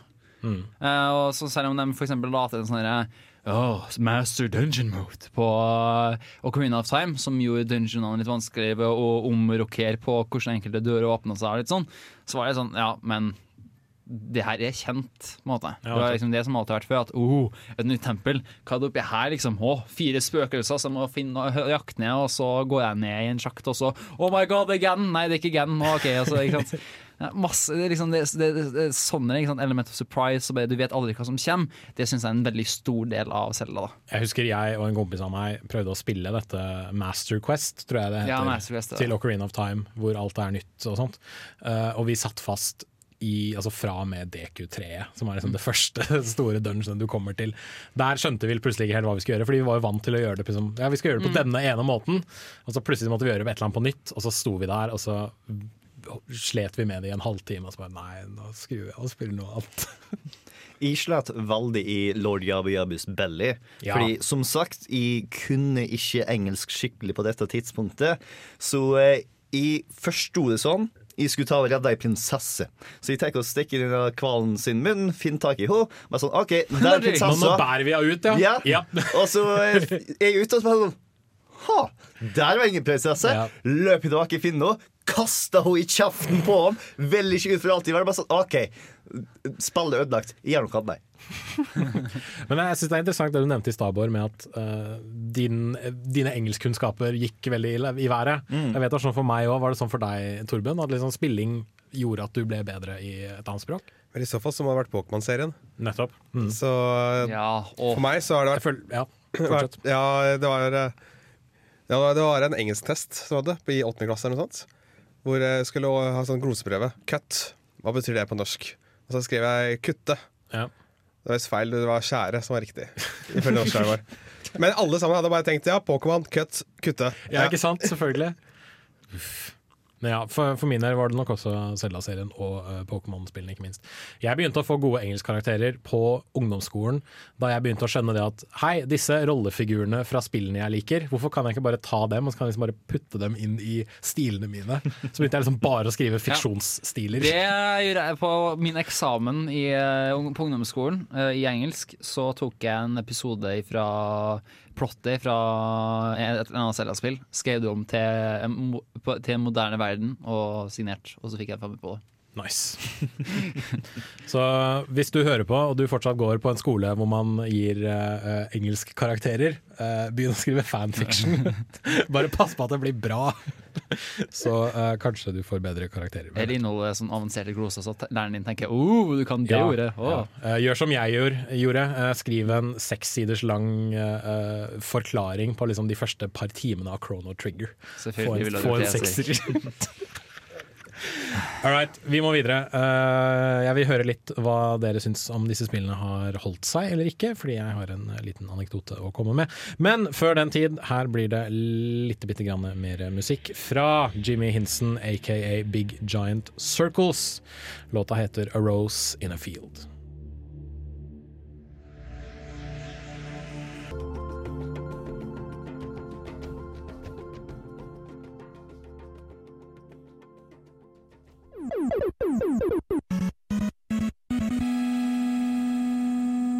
Der var vi tilbake. Vi er Nerdeprat. Jeg heter Jens Erik. Du fikk Big Giant Circles, A Rose in the Field. Og hvis du tenker hei, den der hadde ikke noe med Selda å gjøre. Jo, det hadde den, fordi midt i så hører du Seldas Lullaby, så derfor eh, er den med. Og så syns jeg det alltid er fint å spille litt Big Giant Circles. Men så har jeg et spørsmål som jeg gjerne vil eh, stille. Altså, det er kanskje litt sånn mest til, til Bård og Chris, men du kan bare kime inn hvis du vil, Torben. Torben. Og, uh, fordi eh, jeg, da jeg kjøpte meg den nye 3DS-en, så kjøpte jeg meg også et større minnekort, sånn at jeg nå har masse sånne blokker, som Nintendo kaller det, til å lagre spill på. Og da tenkte jeg, vet du hva, nå skal jeg gå inn i e-shoppen, jeg skal laste ned et Virtual Console-spill, og det ble Link's Awakening. Eh, et spill jeg har eh, mistet telling på hvor mange ganger jeg har spilt. Som jeg egentlig kan relativt utenat. Og som jeg da spilte igjennom, og det tok ca. åtte timer totalt, med ca. en time spilling per, per session. Og så satt jeg der og spilte og tenkte dette var liksom ikke helt det det en gang var. Og da lurer jeg litt på, er det jeg som bare er og nå beklager jeg at dette høres fryktelig fryktelig liksom forutinntatt ut. Er det bare jeg som har blitt for god for dette her, for, det, for dette ene spillet? Eller er det ikke så bra som jeg husker det? Hva er det spillet har mista som det har tidligere? Det det har kanskje mistet mystikken, for nå vet jeg hvor alt er. Vel, selvfølgelig. Er litt på det som jeg sa i sted, at jeg føler liksom et av hovedelementene til eh, The Legend of Zelda er utforskning. Mm. Og med en gang du har funnet noe én gang, så husker du som oftest hvor det er neste gang også. Nettopp. Så da har du liksom Du har element of surprise, men element of surprise funker bare én gang. Og etter det så mister, kommer du til å miste litt av skjermen. Da. Det er jo et av problemene som Zelda egentlig alltid har hatt, mener jeg. Altså. Ja, for Da gikk jeg litt inn i en sånn eksistensiell krise. Sånn her. Ja, men Var alle disse spillene så bra? Er liksom Ocarina of Time den store liksom Den store liksom eh, eh, Fader, nå husker jeg selvfølgelig Gullstandarden? Ja, nettopp. Er liksom det den store gullstandarden? Eller er det liksom Hvis man går tilbake nå og spiller det sånn 10-15 år etterpå, holder det seg like godt? Altså, som sagt eh, Legend of Zelda Ocarina of Time, mitt første Zelda-spill. Det er det spillet som fikk meg til å virkelig like spill, og fram til eh, et par år siden så var det favorittspillet mitt i hele verden. Ja. Da jeg plukka det opp igjen på 3DS-en, så imponerte meg det. Det Mhm. med over hvor bra det fremdeles var. Eh, Hvor Men det er absolutt det at Zelda-spill er eventyr. Og når et eventyr plutselig blir bare en liste med ting du må ta og gjennomføre, Ja. så du kan se en rulletekst, Ja. så er det ikke lenger et eventyr, bare et rituale. Mm. Og eh, første gangen så vil jeg tro at sjøl de som tar og er vant til dagens spill og plukker opp A Link to the Past, jeg tror de fremdeles vil ta og finne det spillet fantastisk bra. Men det finnes to, og potensielt snart tre, spill som er et litt sånn unntak av denne regelen. Og det er jo Zelda 1. Det er nyeste Selda til TD som jeg ikke husker navnet på. Link Between Worlds. Og så det Selda-spillet som skal komme ut en gang i fremtida. Selda Wii U, som det foreløpig heter. Og hva har de tre til felles? Eh, de har vel til felles at de ikke har en sånn kjempefast struktur. Ja. Og alt, mesteparten er åpent. Du kan gå hvor Ja. du vil i templer og sånn. Og ja, that's the gist of it. Og jeg tenker at det er en måte du lett kan eh, gjøre det litt mer spennende på igjen. At det er ikke er så sekvensielt som det er før. At man eh, kan eh, utforske litt sjøl og gjøre ting i sin egen rekkefølge og gjøre litt sitt eget. Så, så kan man på en ny run da, Ok, da vet jeg at uh, tingene her er her og her er her. Hvordan kommer det til å gå med bossen når jeg har det beste sverdet allerede og den beste rustningen, eller jeg har den itemen istedenfor Hva jeg har pil og bue istedenfor bumerang på første boss, for eksempel. For uh, jeg syns det er sånn paradoksalt at Zelda-serien nå går bakover for å gå framover.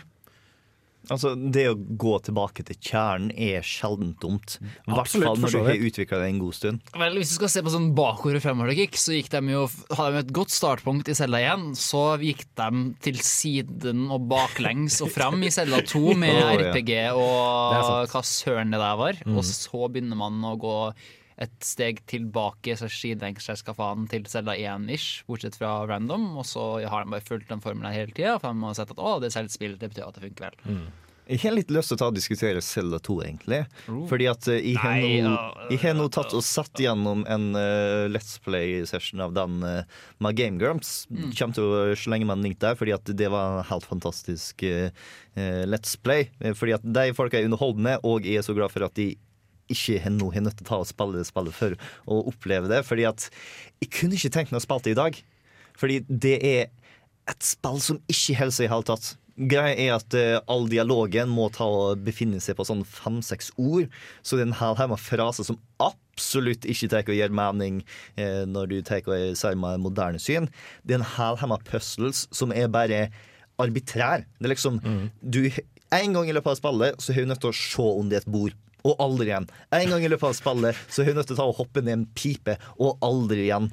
det, og det som irriterte meg aller mest da jeg så spillet, er at når du er ute i overworlden, så eh, dukker det opp eh, tre fiendestrukturer og beveger seg mot det. Du kan Mm. prøve å unngå dem, og hvis du beveger deg på Hvis det tar det, så blir du kasta inn en ny eh, skjerm som er sidescrolling, hvor du må ta og slåss deg ut av fiender for å fortsette å gå bortover. Hvis du på veien, så blir du kastet inn i en ny skjerm hvor det ikke er noen fiender, men du må gå bortover. Og det er bare dreper utforskingsgleden, fordi at du har nødt til å ta og kaste bort så masse tid mot fiender som du i andre Zelda-spill så lett kan ta og unngå.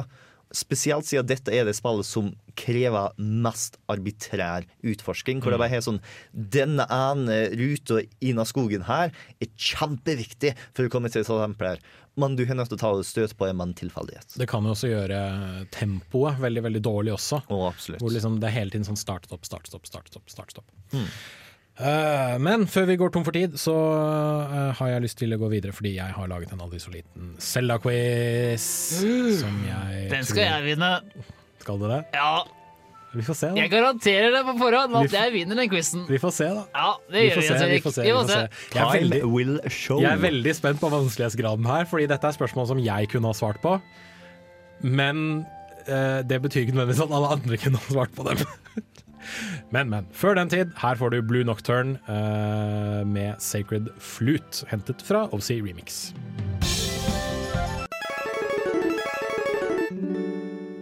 Der var vi tilbake. Du fikk eh, Blue Nocturne med Sacred Flute, en eh, remix fra, av en masse låter fra A Link, A Link to the Past. Og så har vi kommet til Zelda-quizen, og det betyr at jeg får lov til å gjøre dette. Fordi skal man ha quiz, må på radio ikke minst, så skal man ha god bakgrunnsmusikk. Skal vi se, jeg kan dempe den litt. Grann. Sånn, ja. OK, da tenkte jeg at uh, måten vi kan gjøre dette her på, er at uh, jeg leser opp uh, fem spørsmål i en kategori. Så spiller jeg en låt, og så kan dere da, mens musikken går, diskutere blant dere selv. Eventuelt ikke, alt ettersom. Og så, kommer så kommer da svarene og neste rundes spørsmål etter låta. Så da skal vi se. Første kategori heter Hyrule Historia. Uh, dere kan sikkert uh, ekstrapolere hva dette handler om. Altså i, fra boken, Jens Rusan? Uh, vi får se. Første spørsmål. Zelda-serien har vart en stund og skal straks feire jubileum. Hvor gammel er serien, og når kom det første spillet ut i Japan? Ekstrapoeng hvis du vet eksakt dato. Med andre ord, hvor gammel er Zelda-serien, og når kom det første spillet ut i Japan? Det er ikke lov å sjekke ting på mobil, Torben, for du står der med telefonen i hånda. Ah, ja. Nei, men det er bare sånn uh, ja. Altså, jeg har ikke papir, så bare Ja. uh, I løpet av alle disse årene Zelda-spillene har kommet ut, hvor mange spill er det som har kommet? Vent, en gang til. Spørsmål her. Ja. Tall med CDI og Nei, andre her gjelder kun Hæ? hovedserien. Nei.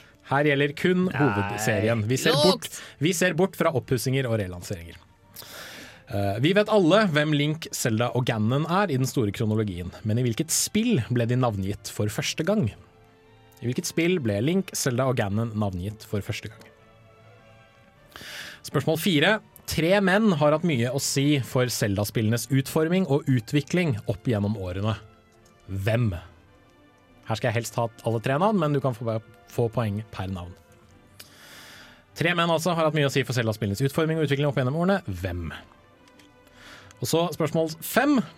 Vi vet alle at Nintendos interne studioer tar seg av utviklingen av Zelda-seriens konsollspill. Men de håndholdte spillene ble gjort av noen andre. Hvem? Altså, de håndholdte Zelda-spillene har blitt utviklet av noen andre enn Nintendo. Hvem? Da skal dere få lov til å stue litt på de eh, spørsmålene der, mens vi hører DJ Cutman med låta 'Zeldas House'.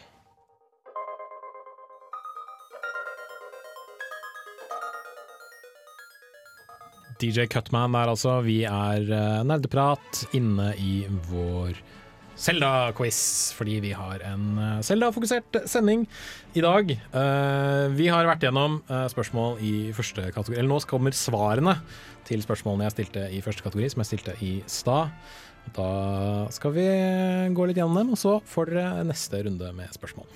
Første kategorien het Hyrule Historia, og det første spørsmålet lød som følger. Zelda-serien har vart en stund og skal straks feire jubileum. Hvor gammel er serien, og når kom det første spillet ut i Japan? Bård. Det er 29 år gammelt. Det husker jeg fordi at det, serien har 25 års jubileum da Skyward Sword kom ut i 2011. Det stemmer. Eh, klarer du ekstrapoenget? Nei, jeg klarer ingen eksakt dato, dessverre. Nei. Torben? Jeg er 29 år, jeg også. Fordi at eh, jeg tenkte 25-årsjubileum. OK, jubileum snart. Ok, Da er det sannsynligvis 30-årsjubileum til Ja, bra, bra, bra. Chris? Som tekniker for Selda Zelda Let's Play så har jeg fått med meg at eh, flere ganger at det står på skjermen at Zelda 1 kom ut i 1982. Så da er det bare ikke. Hæ?! Hvorfor det i Japan, ja? 86. I Japan? 86. Ja. To år før jeg ble født. Juks! Nei, det Absolutt ikke. Ja. Eh, Men i løpet av disse 29 årene, hvor mange Ja, spill har kommet ut? Eh, jeg tok og talte litt på hendene mine, og jeg kom fram til 16. Kan det stemme? Jeg So close, so close. 17 17. Ja. er riktig svar. Hva svarte du, Torben? Jeg har faktisk skrevet 17 her. Du har det? Ja, men Gratulerer. Da ble det Jeg, poeng. jeg telte på fingrene, og så bare ja, Sikkert tre til. Altså. Chris? Hva skrev du? Kom igjen, Chris. Hva skrev du? Kolimba! Hva skrev du, Chris? Hey, listen! Hva skrev du, Chris? Joink! Jeg, tror- jeg tror Chris svarte feil. Ja, jeg tror det. Svarte du feil, Chris? Den som tier, samtykker. Det hadde, eh, hvis du hadde sagt 18, så hadde du også fått riktig svar, fordi det 18. spillet skal forhåpentligvis komme ut i år. Så det hadde liksom vært innafor det. I hvilket spill ble Link, Zelda og Ganon navngitt for første gang? Chris? Link's Awakening? Feil. Var det Selda igjen? Torben? Jeg tipper på Link to the Past. Feil. Altså, Jeg vet at både Zelda og Ganon ble navngitt i det første Zelda, men jeg vet ikke om det offisielt kom ut navnet på Link da. Jeg vet at eh, Link definitivt har navn i Zelda 2 Adventure of Link. Og jeg vet at navnet Ganondorf for første gang dukka opp i A Link to the Past. Det var et lurespørsmål. Riktig spørsmål Men riktig svar var selvfølgelig The Legend of Zelda til uh, Famicom eller Nes. Ja, for det, det, alle tre er nevnt i brukermanualen. Stemmer. Faen. Stemmer. Jeg satt og tenkte på noen oppdateringer. Altså. Det fjerde spørsmålet. Tre menn har hatt mye å si for Zelda-spillenes utforming og utvikling opp gjennom årene. Hvem? Da går vi til deg først, Chris. Meg igjen? Ja. Ok, uh, Shigeru Miyamoto. Stemmer. Hallo. Uh, så var det noe med Asakai. Nei. Og sist, men ikke minst My body is ready, Reggie Fisabay! Feil! Du hadde én riktig, og det var Shigeru to, OK. Takk skal du ha. Torben? Ja, jeg gikk også for Shigeru Miyamoto. Ja, det var én riktig. Og så et eller annet Aichi Aonoma, Riktig. som sto bak uh, Majors Mask. Yes. Og så kan Ja. kan ikke jeg den tredje, men jeg bare sier Koji Kondo, fordi han er utrolig ja, dyktig. faen. Det er jo kommunisten. Ja. Det, det må jo nesten si Komponisten, ja. Ja, det må jo gi ja. Åh, det var også gæli poeng. Men han har ikke vært direkte med i utviklingen Nei. av Zelda-serien. Men uh, bra poll, bra poll. Bård? Jeg har også Shigeru og Eoiji, Mhm. men jeg tippa også Koji fordi at jeg kunne ikke komme på en tredje part. Shigeru Miyamoto og Eiji Aonoma er selvfølgelig riktig. Siste navn vi skulle ha, var Takashi Tezuka. Som eh, blant annet har vært regissør på A Link to the Past, Link's Awakening, masse Mario-spill. Han har stått bak uh, Han har vært supervisor på Coreen of Time, på Oracle-spillene, på Majora's Mask. Så han har liksom hatt uh, fingrene i de aller fleste Zelda-spillene. Så det siste spørsmålet. Vi vet alle at Nintendos interne studier tar for seg utviklingen av Zelda-seriens konsollutgaver, men utviklingen av de håndholdte spillene ble gjort av noen andre. Hvem? Bård? Jeg vet at Oracle of Ages og Oracle of Seasons ble laget av Capcom, så det er de jeg svarte. Stemmer, det er riktig svar. Torben, hva Og skal jeg lurer på om også Minish Cap ble laga av Capcom. Stemmer det? Skrev du Capcom også? Ja. Chris? Capcom Rusan! Jeg hadde også akseptert Flagship, som er eh, lagt under eh, Capcom. Da, etter første runde, er stillingen fem poeng til Torben, fire poeng til Bård og to poeng til Chris. Tre poeng til meg! Ja! To poeng. Tre. To. Tre. Kategori to lyder som følger It's a secret to everybody. Handler om hemmeligheter, selvfølgelig. Og da uh, kan jeg gjøre sånn igjen. Og så uh, Første spørsmål. Hvem sa 'It's a secret to everybody'? Hvem sa 'It's a secret to everybody'? Spørsmål to. Nintendo er glad i å gjemme referanser til andre spillserier i Zelda-spillene. Hvilke Nintendo-figurer dukker opp bak et vindu i hagen der Link møter prinsesse Zelda i Ocarina of Time? Nevn tre av dem. Spørsmål tre. Begravd i Ocarina of Times programkode finnes det et kjent fartøy fra en annen Nintendo-serie. Hva da, og hvorfor var den der? Spørsmål fire. Hva skjer når du sprenger en bombe foran en gossip stone? Og spørsmål fem. I Oracle of Ages og Oracle of Seasons var det én dør som tilsynelatende var umulig å åpne. Hva måtte man gjøre for å åpne denne døren? Det var altså da eh, kategori to. It's a secret to everybody. Og eh, vi demper den musikken litt, og så spiller vi i gang denne musikken. Her får du Pumpkin King med låta 'Fragment of Time' versjon 1. Hentet nok en gang fra OC Remix.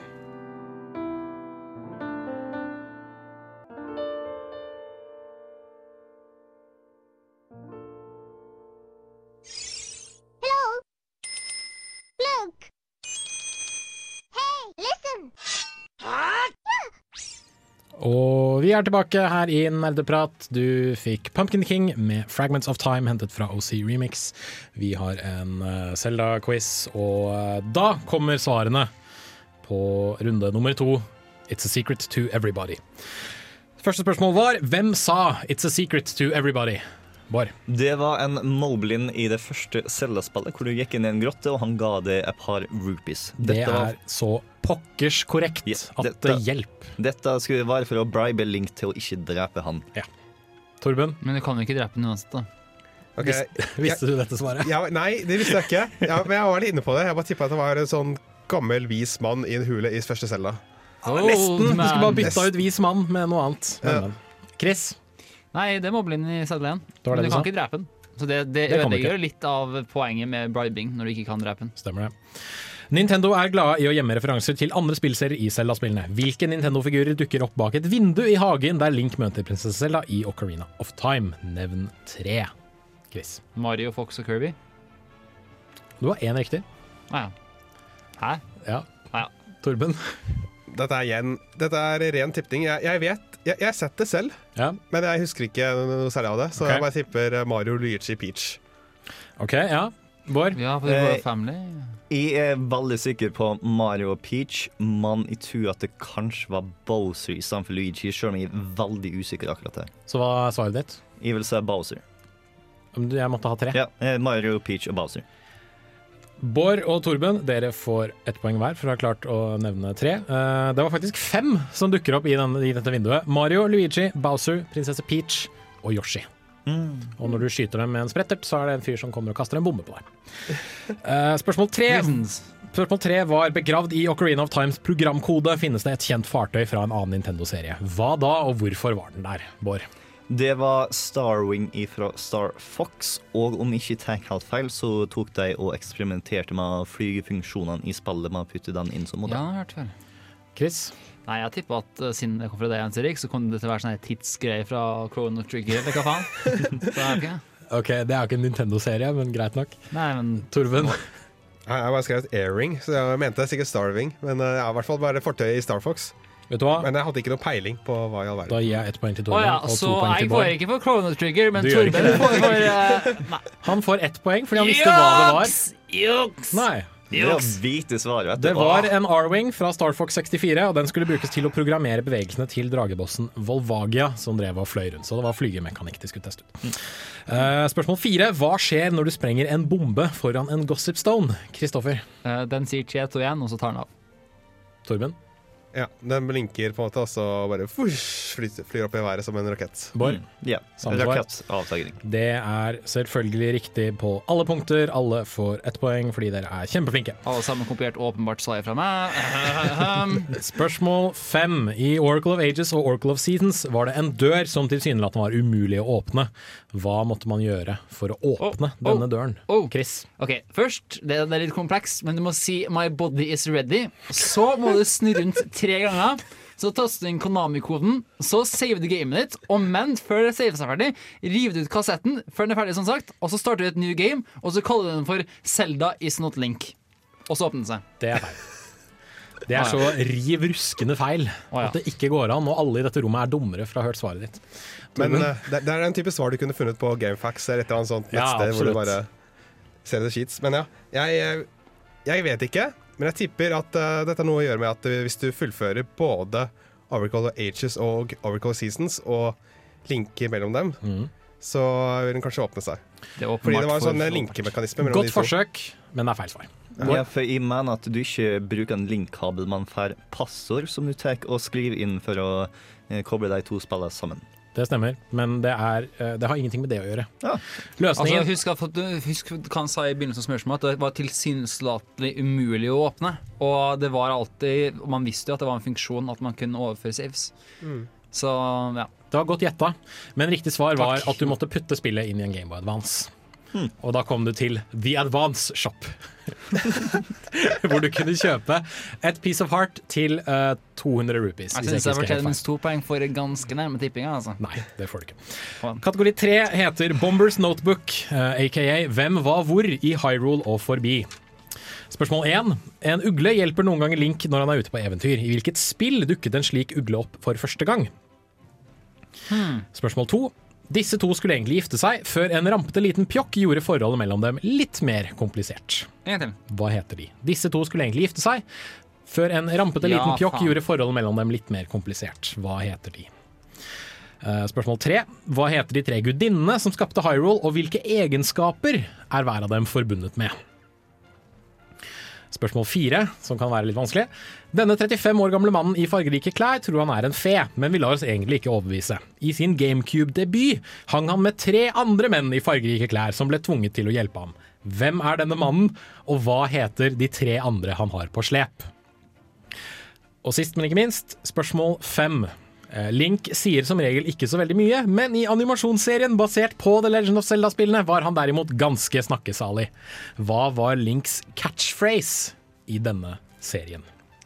Og mens dere skal få lov til å tygge på disse spørsmålene, så skal vi eh, høre Hyrule Circuit fra Mario Kart 8, fordi den er dødsrå.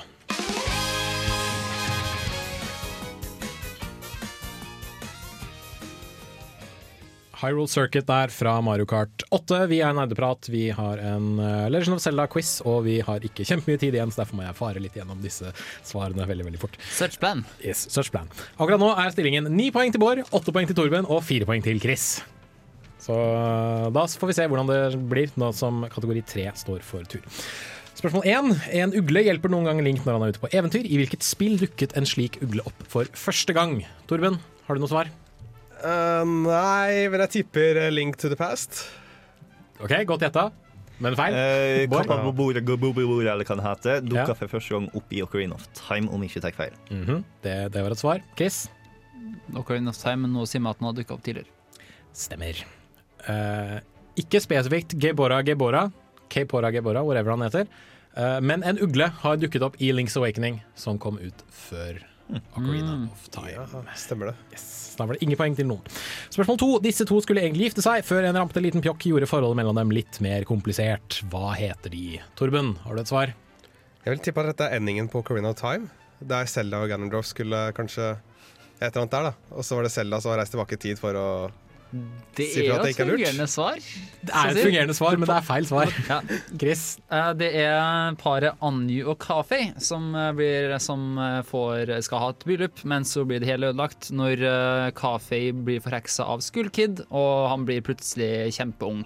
Han blir et barn. Han blir et barn. Stemmer. At de er egentlig voksne. Bård hadde vel samme svar, tenker jeg? Andrew ja. Yep. Jeg syns jeg skal få bonuspoeng for Skullkid, da, altså. Nei, det skal Tre på bonuspoeng, sa du? OK. Kategorien som en Spørsmål tre. Takk skal du ha. Hva heter de tre gudinnene som skapte Hyrule, og hvilke egenskaper er hver av dem forbundet med? Torben, hadde du noe svar her? Nei. Jeg mener ikke bare- å henge deg ut, altså. Bare. Nei, jeg bare Jeg husker Jeg lurer på om det var Nayuru. Mm -hmm. Men jeg husker ikke noe om hvor, hvor og hvorfor og hvem. Det er greit. Bård, har du et svar? Eh, Din som har kraft som sin egenskap, eh, Nairu som har visdom som sin egenskap, og Feiro som har courage som sin egenskap. Glimrende. Det er helt riktig. Chris? Ikke farao? Eh, det skrives F-A-R-O-R-E. Uh, uttales for Faroe ja, for noen, Ja, noen. Det varierer i hvert fall. Men jeg regner med at du hadde det samme svaret. Ja. Les det opp, please. Ja, din farao, og Nairu. Ja, og de er forbundet med hva? Ja. Hvilke egenskaper? Ah, du, så, nevnte du det spesifikt i spørsmålet? Ja. Nei, gjorde- oh, du gjorde det? Jeg gjorde det. Ok, nei, sånn helt ærlig, det er visst det. Eh, Din er, eller, har vært fire, eller altså power. Mm. Uh, Farao har vært uh, faen, nå jeg. Jeg har klart å også glemme det boysa. Det er ganske Det er ass. jobba. Eh, så har du wisdom, og så har du courage. Jeg vil si at uh, off, mm, Farao courage og Nairi wisdom. Det stemmer. Ja. Så da ble det poeng til Chris også.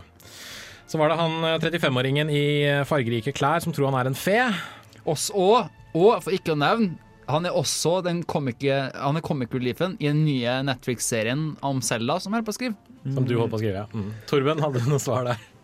Da er det i så fall Tingle. Ja, det er Men Tingle. jeg kan ikke noe mer. Nei, du skal få et poeng for Tingle i hvert fall.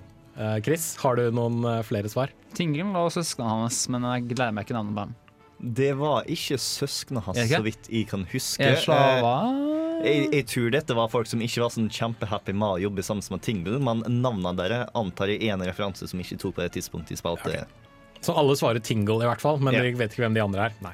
Tingle er selvfølgelig han i grønt. Uh, Tingles lillebror heter Ankle og går i rosa. Uh, Ankles tvillingbror heter Knuckle og går i blått. Ja, Knuckle, ja. Og så har du David jr. som går i hvitt, som egentlig ikke er i slekt med noen av dem, men som bare er med fordi han blir tvunget til det. Uff. Og så femte spørsmålet. Link sier som regel ikke så veldig mye, men i animasjonsserien basert på The Legend of Zelda var han derimot ganske snakkesalig. Hva var Links catchphrase? Får jeg bonuspoeng hvis jeg sier det lydrett? Kan ikke Sånn vi bare si det samtidig, alle sammen? Tre, to, én. Well, excuse me, princess! Det er selvfølgelig helt, helt, helt, helt forbanna rett. Men ikke vi- særlig synk. Uh, så må vi rushe videre til uh, kategori fire og lese opp de tre spørsmålene jeg har der. Veldig veldig fort, fordi vi begynner å gå veldig tom for tid. Uh, eh, ja. Eh, vi vet alle at Ganon er den som truer Hyrule, men det har også vært en annen ondskapsfull fyr som har forsøkt å herske over det eviggrønne eventyrlandet. Hvem? Nummer to. Denne trollmannfienden har dukket opp i nesten samtlige Zelda-spill og må nedkjempes hele fem ganger i Majora's Mask. Hva kalles de? Og helt til slutt, denne svartkledde figuren utfordret Link til duell i Zelda 2 The Adventures of Link, og har senere vært en miniboss i mange Zelda-spill. Hvem? Og mens dere tenker på det, går vi videre til Carbohydro M. Låta heter Unsealed.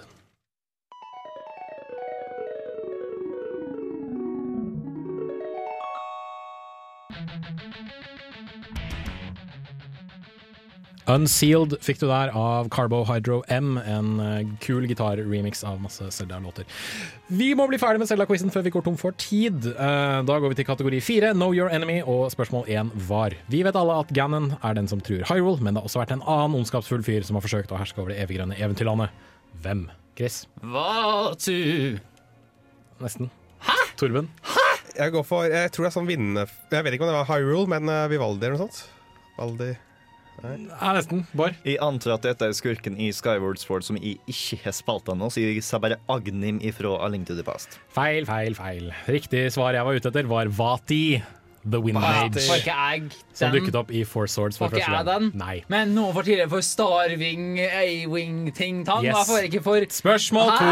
Denne trollmannfienden har dukket opp i nesten samtlige Zelda-spill og må nedkjempes hele fem ganger i Majora's Mask. Hva kalles de? Ah, det- Riktig. Torben? Pass. Chris? Skullkid er jo på sett og vis en trollmannfigur i spillet. Og også Feil, med feil, feil. spill. Riktig svar var Wizrobe. Spørsmål tre. Denne svartkledde figuren utfordrer Ring til duell i, Legend of, nei, i Zelda 2, The Adventures of Link, og har senere vært en miniboss i mange Zelda-spill. Hvem? Oh my god, god, Darklink, for han er mørk! Dark Link, Bård? Også kjent som Shadowlink. Nei! Det er eh, riktig på alle punkter, og dermed er Zelda-quizen eh, avsluttet. Og da kan vi gjøre sånn, og vi kan gjøre sånn. Takk, takk. Og poengsummene er som følger. Eh, på en eh, solid andreplass med 11 poeng, Torben Dahl. Gratulerer. På en kjempebra førsteplass med hele 16 poeng, Bård Asta. Og på tredjeplass med 8 poeng, Chris. Ja! Jeg har lyst til å takke mamma, eh, Akademiet, eh, pappa, eh, mormor, morfar og min første GameCube. Eh, Veldig lyst til å takke du skaperne kom av nederst, Chris. Veldig lyst til å takke Windmaker-skaperne også, eh, som eh, har eh, Du kom nederst, fant Chris. ut at eh, jeg hadde bursdag på samme dag Ok, ja, som, eh, nettopp. Ja. som eh, når jeg skulle spille, og så bare åh, fantastisk. Nydelig. Vi er uansett uh, nerdeprat. Vi uh, begynner veldig fort å gå tom for tid. Uh, og derfor så tenker jeg vi bare skal si ha det bra med en aldri liten kjapp oppsummering. Du kan finne oss på samtlige sosiale medier som finnes, nesten, med navnet Nerdeprat. I hvert fall på Facebook, Twitter, Instagram og YouTube. YouTube er spesielt viktig å sjekke ut, nå som jeg har begynt å lage videoer. Ja. Vi Med mindre juks enn i quizen her! Helvetes fittefaen! Chris er bare sur fordi han taper. Nei! Jo da, han er bare sur fordi han taper. Eh, og så eh, neste uke så vet jeg ikke helt hva vi skal gjøre, men vi finner nok ut av det etter hvert. Det blir nok etter Hør på oss da fra og med klokken fem onsdag 18. i eh, tredje, så håper vi at du får det moro med oss, og at du har hatt det moro med oss den siste tiden. Eh, legg, oss gjerne, legg gjerne igjen en kommentar til oss på Facebook eller på Twitter, så høres vi til neste uke. Og her får du The Rabbit Joint, Legend of Zelda.